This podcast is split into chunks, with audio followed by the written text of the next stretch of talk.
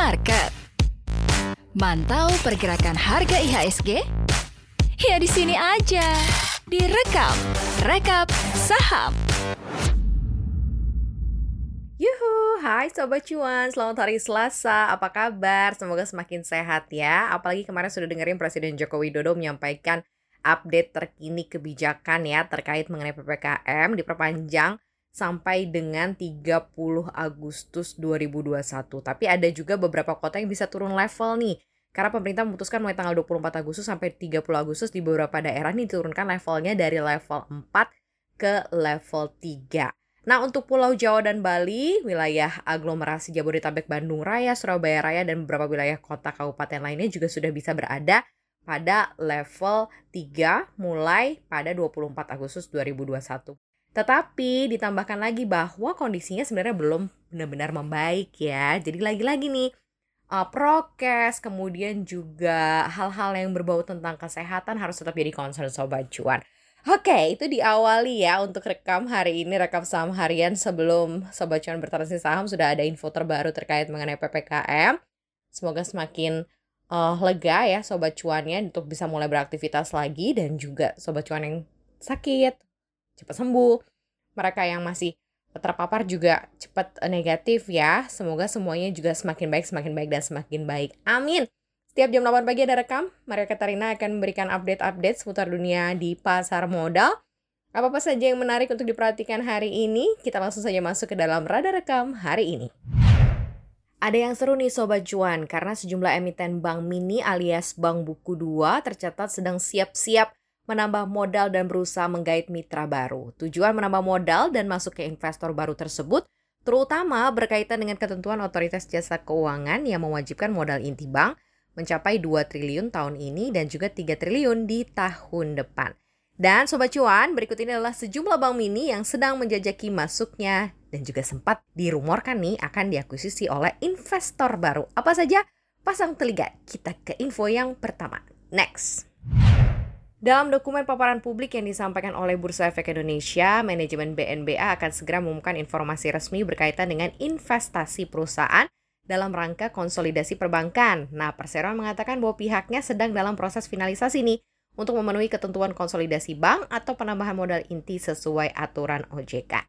Manajemen juga menegaskan bahwa BNBA sedang berusaha terus untuk finalisasi rencana divestasi saham dalam beberapa saat dan juga tentunya dalam beberapa waktu ke depan ya di mana manajemen ini akan menempuh atau memilih keputusan yang benar-benar untuk keputusan bersama yakni pemegang saham, masyarakat, seluruh pemangku kepentingan dari BNBA.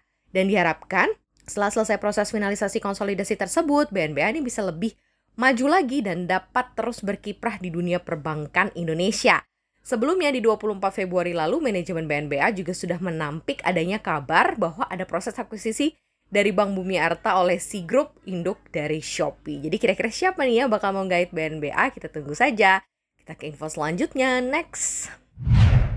Selanjutnya ada Bank Ganesa yang juga berencana memenuhi kewajiban pemenuhan modal inti dengan menambah modal melalui injeksi dana dari pemegang saham pengendali perseroan dan jumlah saham yang rencananya nih akan diterbitkan mencapai 10,1 miliar saham dengan nilai nominal 100 rupiah per saham dan angka tersebut senilai 135,48 persen dari modal yang ditempatkan penuh dan juga disetor penuh. Menurut penjelasan manajemen, penggunaan dana hasil right issue nantinya akan digunakan untuk meningkatkan investasi saham GSMF di BGTG. Saat ini nih, pihak BGTG masih menunggu pelaksanaan right issue tersebut dan harus memperoleh persetujuan terlebih dahulu dalam RUPST yang rencananya akan digelar di 30 Agustus mendatang. Dan menurut pemberitaan media bahwa pihak BGTG juga sempat mempertimbangkan soal kemungkinan masuknya investor strategis dalam usaha untuk memenuhi ketentuan modal inti seperti yang dimaksudkan oleh OJK. Siapa ya kira-kira partnernya uh, startup lagi atau bank-bank besar? Kita tunggu saja nanti akan seperti apa. Kita ke info selanjutnya. Next. Lalu ada emiten bank milik pengusaha nasional Ali Markus Bemas yang sudah mendapatkan restu pemegang saham untuk melakukan right issue. Investor Thailand, Kasikorn Visions Company dipastikan akan menyerap rencana penambahan modal melalui hak memesan efek terlebih dahulu Bank Maspion sebesar sebanyak-banyaknya 2,28 miliar saham baru dan ini juga sudah diputuskan pada RUS uh, eh, RUPSLB yang diselenggarakan di 8 April lalu. Namun ditetapkan bahwa hak harga pelaksanaan right issue ini belum tercatat begitu ya, belum mengacu pada pergerakan harga saham BEMAS di mana rata-rata di 1370 sampai dengan 1610 per saham. Maka right issue-nya kurang lebih ya akan memperoleh dana 3,13 triliun rupiah sampai dengan 3,68 triliun. Namun ada kabar baru nih di 13 Juli lalu bahwa pihak Maspion Bank ini mengumumkan bahwa rencana perubahan struktur dan juga perpanjangan waktu right issue hingga waktu yang belum ditentukan. Jadi masih nunggu-nunggu dulu kira-kira waktunya tepat akan seperti apa tahun ini ataukah tahun depan. Kita ke informasi selanjutnya. Next. Ada emiten yang bergerak di bidang perdagangan ponsel dan produk pendukung PT Northcliffe Citra Nusa Indonesia TBK atau SKYB ini dulu bernama Skybi berpotensi dihapus pencatatannya atau delisting di lantai bursa oleh Bursa Efek Indonesia. Alasannya, perdagangan saham SKYB ini telah disuspend selama 18 bulan dan masa suspensi perdagangan efek akan mencapai 24 bulan di 17 Februari 2022 mendatang.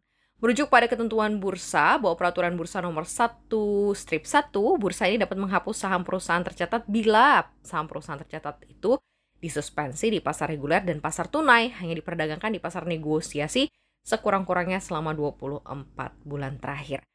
Potensi delisting ini juga salah satunya diakibatkan oleh buruknya kinerja keuangan perusahaan yang pasarnya mulai tergerus akibat pindahnya perilaku konsumsi masyarakat yang mulai mengadopsi dan terbiasa juga dengan transaksi online. Dan tercatat terakhir kali perusahaan juga melaporkan kinerja keuangan di kuartal 2 dan juga kuartal 3 2019 hampir 2 tahun lalu. Jadi nggak ada update lagi nih Sobat Cuan. Nah, berdasarkan dari keterbukaan informasi nih tanggal 23 Maret 2020, 29 Juli 2020 dan 23 Desember 2020 tiga dari jajaran direksi dan komisaris yang namanya masih tercatat dalam laporan konsolidasi interim kuartal 3 2019 telah mengundurkan diri ya. Itu adalah Eris Sulistio yang sebelumnya menjabat sebagai komisaris utama, Ratih De Item juga sama merupakan komisaris independen dan Irwando Saragih yang merupakan direktur dari perusahaan ini sudah mengundurkan diri. Jadi ujung-ujungnya ini sekarang nasib yang megang saham Skybi ya atau SKYB ini kira-kira akan seperti apa kalau misalnya nanti di delisting ya harus siap-siap mudah-mudahan ada waktu lagi untuk pasar dibuka dan bisa untuk merealisasikan yang udah nyangkut selama 2 tahun terakhir ya Sobat Cuan. Segitu aja deh Sobat Cuan informasi simple, singkat, tipis-tipis jam 8 pagi direkam rekap saham harian sebelum Sobat Cuan beraktivitas pada hari ini.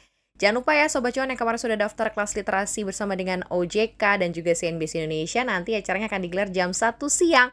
Jadi siap-siap cek emailnya untuk bisa masuk ke link kami dan juga dapatkan kesempatan untuk bisa mendapatkan hadiah Rp200.000 untuk 40 orang yang beruntung. Jadi harus ikutin dari awal sampai dengan akhir. Makasih banyak ya sudah dengerin Maria Cuap Cuap pada pagi hari ini di podcastnya Cuap Cuap Cuan. Jangan lupa dengerin kita di Spotify, Apple Podcast, dan juga Google Podcast. Jangan lupa follow akun Instagram kita di @cuap underscore cuan.